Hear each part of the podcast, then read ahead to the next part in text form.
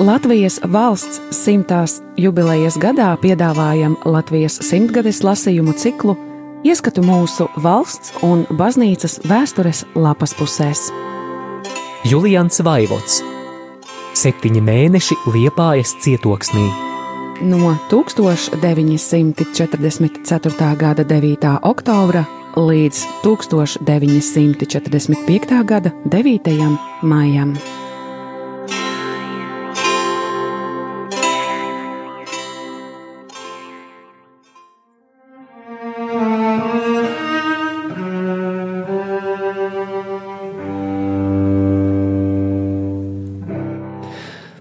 1945. gada 5. aprīlī. Maza māju epizode prasās pēc atzīmēšanas, un ne jau katru dienu tikai par lielo politiku rakstīt. Kādreiz dienas grāmatā jau rakstīju par manu mazo mājas sargu Sunīti Pansu. Tagad atkal viņa kārta. Kalpone samaksājusi vakar par viņu nodokli un dabūjusi metālu numuru, kuru tam pakārusi pie kakla siksniņas. Šī jaunā kaklarote ir atstājusi uz suni tik nospiedošu un apkaunojošu iespaidu, ka viņš galīgi pazaudējis humoru. Pat nenāk klāt pie cilvēkiem un nekustīgs galvu nodūris sēž kādā stūrī. Cilvēks tā var izturēties tikai pēc kāda liela nozieguma pastrādāšanas. Citādi nevaru šo parādību iztulkot kā to, ka arī suns nojauš, ka viņam piekabināts kaut kas tāds, kas nepieder pie viņa dabas. Liekas, veselais suņa instinkts reizēm pārspēja pat cilvēku saprātu. Cilvēki mīl apkārties ar visādām rotām, un jo tādu vairāk, jo lepnāki jūtas. Nerunāsim jau par citām rotām, bet atcerēsimies tikai ordeņu lietu. Saprotama parādība, ka kara laikā ordeņi karavīriem spēlē lielumu lielo lomu, Tāpēc arī katru dienu laikrakstos lasām par nopelniem bagāto karavīru apbalvošanu ar dažādām zīmēm un ordeņiem. Tādi apbalvojumi ir atzinība par varoņdarbiem, kuri bieži pat ar dzīvību vai tās apdraudējumu iegūstami un veicami. Tāpēc salva reverencija milicijum. Paturot cieņu militārajiem, gribu dažus vārdus pateikt par civilo ordeņiem.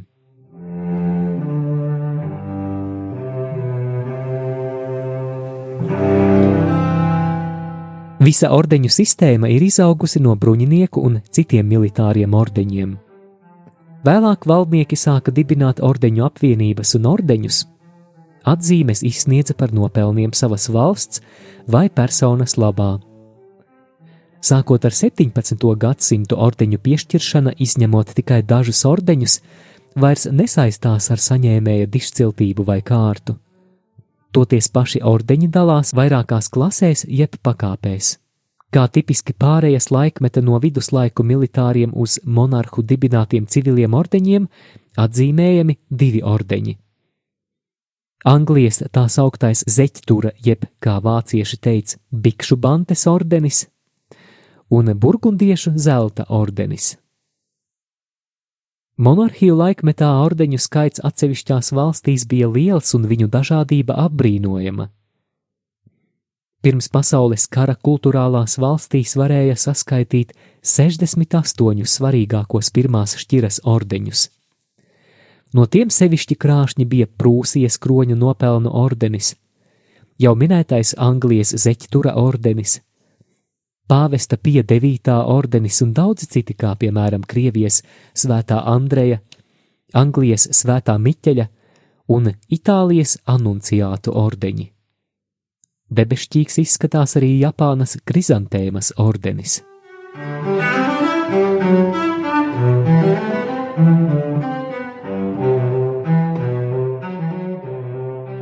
Arī Latvijas valsts savā īstajā patstāvības laikā bija nodibinājusi daudz skaistu ordeņu, kurus bagātīgi piešķīra par lieliem un maziem nopelniem. Ja iedomājas tos miljonus ierēģņu un citu pilsoņu kultūrālā pasaulē, kuru sapnis bija dabūt ordeni un visus pārdzīvojumus sakarā ar jau dabūtiem, tad tiešām jāsaka, ka mans pansa šī ziņā gudrāks. Man pašam skatoties uz viņa nelaimīgo pozu, palika kauns, kad atcerējos, ka arī man zināma prieku sagādāja kāds Latvijas laikā piešķirtais ordenītis. Lai gan to tikai vienu reizi biju piekāris un jutos gandrīz tikpat neveikli kā pansa ar savu numuru, jo pie mācītāja talāra, kā arī vispār pie civilā uzvalka ordenis daudz labāk nepiestāv kā riņķis nēģeru sievas degunā. Šodien jāsaka zāla mana vārdiem - vanitas vanitatum - tukšību, tukšība. Cita lieta ordenis pie karavīra formas.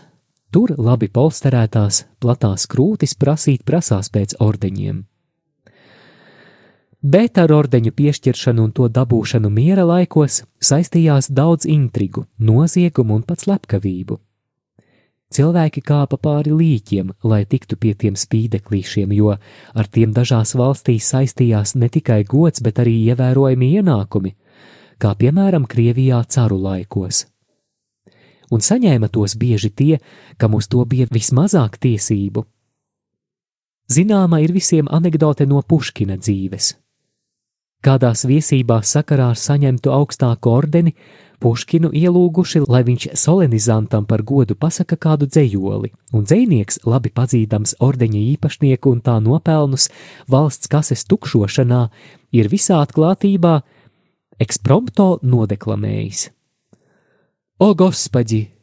Ты спас вора на кресте, спаси же и крест на vaре! Pestītāji, tu izglābi zagli uz krusta! izglāb arī krustu uz zagļa. Par daudziem ordeņu nesātājiem varētu teikt to pašu, jo, kā tautā saka, mazus zagļus cietumā liek, bet lielus ar ordeņiem apbalvo. -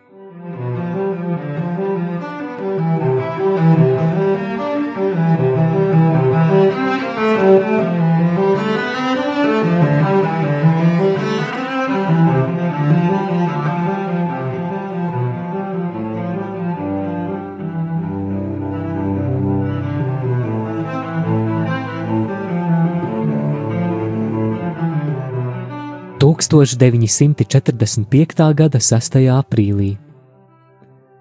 Šodien pirmo reizi bija izdevība runāt ar cilvēkiem, kas ieradušies kurzemē no Krievu okupētās Latvijas daļas. Labi cilvēki teica, ka gūstekņu nometnē Pumpura ielā esot daži katoļticīgi sarkanarmieši no Latgales. Aizgāju uz minēto vietu un sētas mājā atradu nometnes priekšnieka Vācu Hauptmaņa kanceleju. Par nožēlošanu viņa paša nebija mājās. Viņa vietnieks manam lūgumam atvest katoļticīgos gūstekņus uz baznīcu piekrita, un šorīt ieradās pavisam astoņi cilvēki. Visi tomēr nebija katoļticīgi.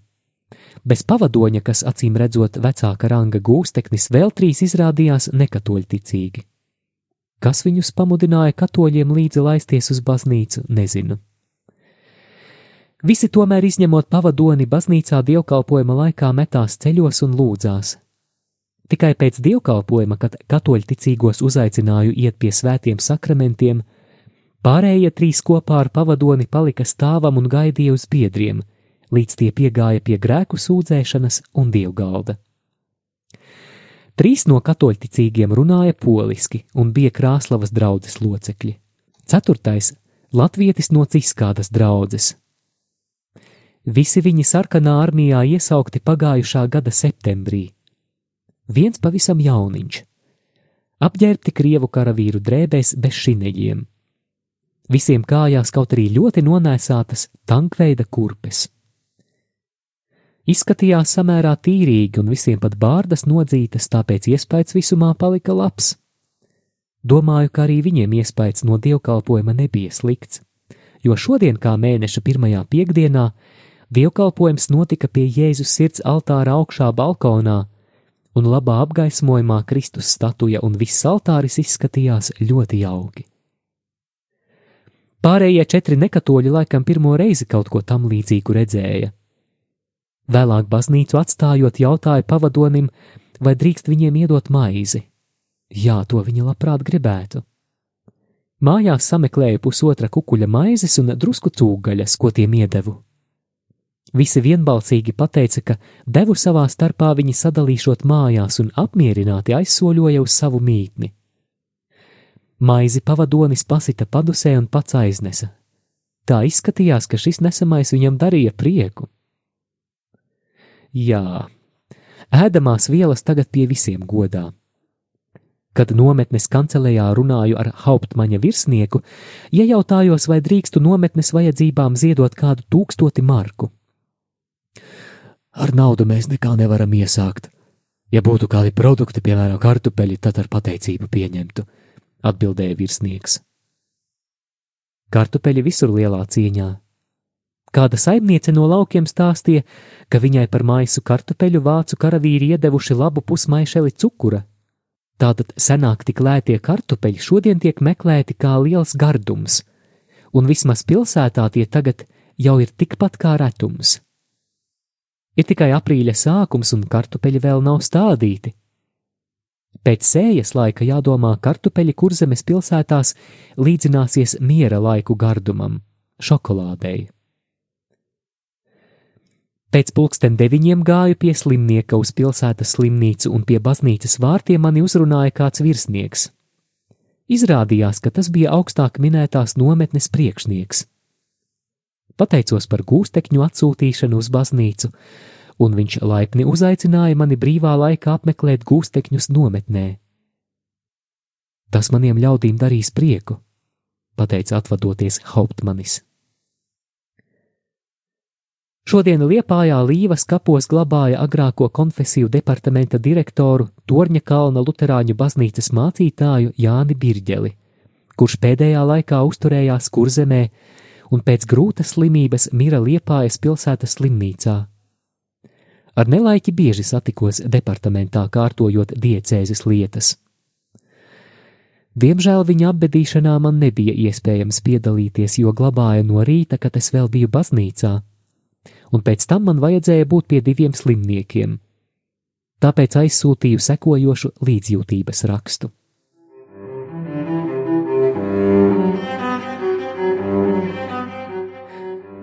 Sakarā ar evaņģēliski luteriskās baznīcas kurzemes pagaidu pārvaldes viceprezidenta prāvesta Jāņa Birģeļa pāragro nāvi, izsaku liepājas bīskapijas pārvaldes un savā vārdā dziļi izjustu līdzjūtību evaņģēliski luteriskās baznīcas pagaidu pārvaldei kurzemē, aizgājēja ģimenei un viņa amata brāļiem mācītājiem, jo pienākumu kavēts, diemžēl personīgi apbedīšanā nevarēšu piedalīties. Rekvieskat in pace, lai dus mierā.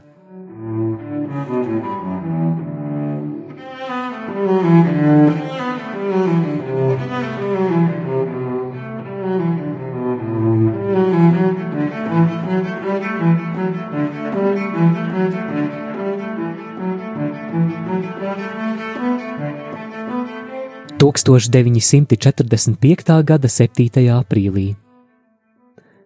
Laimīga nelaime dzirdam piezīmi stāstot par kādu atgadījumu, kurš ir laimīgāk nobeidzies nekā no viņa sākumā varēja paredzēt. Laimīgu nelaimju kara laikā, kā jau vispār nelaimju laikā, ir piedzīvots daudz. Par vienu tādu man nu pat rakstīja mācītājs, kurš darbojas Saldus rajonā.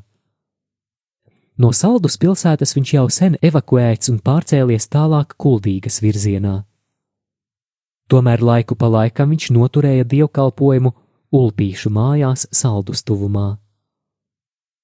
Lai gan māju tuvumā jau notiek kara darbība, mācītājs gribējis vēl pēdējo reizi noturēt tur dievkalpojumu un izziņojis arī dienu. Bet, kad vajadzējis braukt uz dievkalpojuma vietu, nevarējis dabūt ratus, un brauciens tanī dienā izpalicis. Šī diena Ulpīšu mājām varēja būt liktenīga.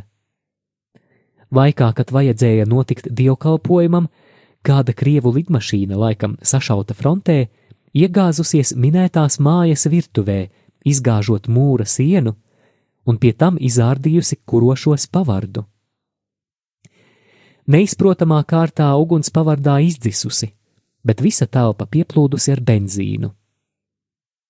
Pilots palicis dzīvs, bet pārējie seši no apkalpes personāla nonāvēti. Saimnieks ar saimnieci tajā momentā atradušies telpā, kur parasti noticis dievkalpojums, un palikuši dzīvi. Neskarta palikusi arī pati telpa. Ja dievkalpojums tanī dienā Ulpīšu mājās būtu varējis notikt, tad tur varēja atgadīties liela nelaime, jo tādā gadījumā visa māja pieblīvēta ar dievlūdzējiem. Varēja arī māja aizdegties no pašas lidmašīnas, nemaz nerunājot par kurošos pavardu.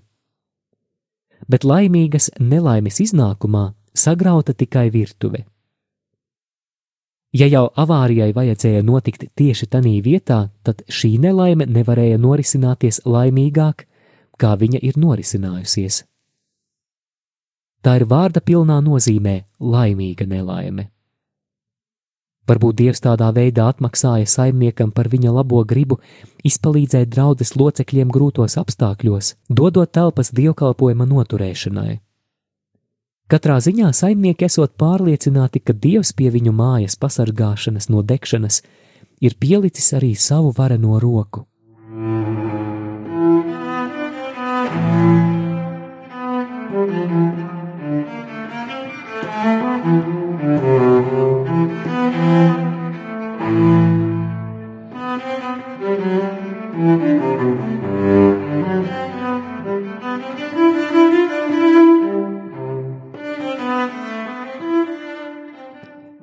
Nesen ziņoja kāds cits mācītājs, kuram bija uzdots noturēt dievkalpojumu Kandavā par vienkāršu atgadījumu, kas visā pilsētā izsaucis daudz pārrunu. Ilgu laiku mācītājs nevarēja Skandavā atrast brīvu telpu dievkalpojuma noturēšanai. Beigās viņu ielaiduši arotskolā vienā istabā, kuru viņš pārsvētījis, un kādā svētdienā sarīkojis tur pirmo dievkalpojumu. Tanī dienā krievi Kandavai uzbrukuši no gaisa, un starp citām arī minētai skolai izbiruši visi logi, izņemot istabu, kur noticis dievkalpojums. Tajā neviena rūts nesot saplīsusi. Tulkot šo parādību var kā grib, bet cilvēki pārliecināti, ka te svētība mājas vienu stūri pasargājusi no uzlidojuma sekām. Ja šodien minētam mācītājam būtu Kandavā jāsameklē citas telpas dievkalpojuma vajadzībām, tad esmu pārliecināts, ka ilgi meklēt viņam nevajadzētu. Rastos daudz māju īpašnieku, kas labprāt dievkalpojuma vajadzībām piedāvātu kādu brīvu istabu savā mājā. Ticība pati par sevi ir tik svēta un pārliecinoša, ka šodien dievam nav vajadzības to ar jauniem brīnumiem apliecināt. Bet cilvēki ir palikuši tādi paši kā jūdi Kristus laikos, kas prasīja no pestītāja brīnumus no augšas. Tautai šie mazie, bet neparastie notikumi izliekas pārliecinošāki par pašu ticību, kas patiesībā ir viens liels brīnums, kas nepārtraukti darbojas jau divi tūkstoši gadu.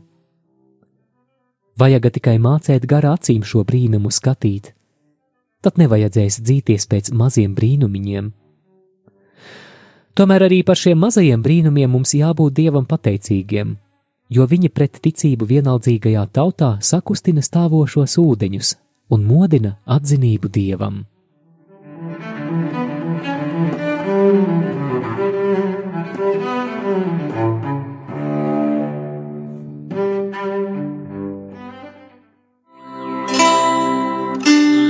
Radio Marija Latvija ēterā Latvijas simtgadēji veltīti lasījumi. Julians Vaivots Septiņi mēneši Liepājas cietoksnī. No 1944. gada 9. oktobra līdz 1945. gada 9. maijam.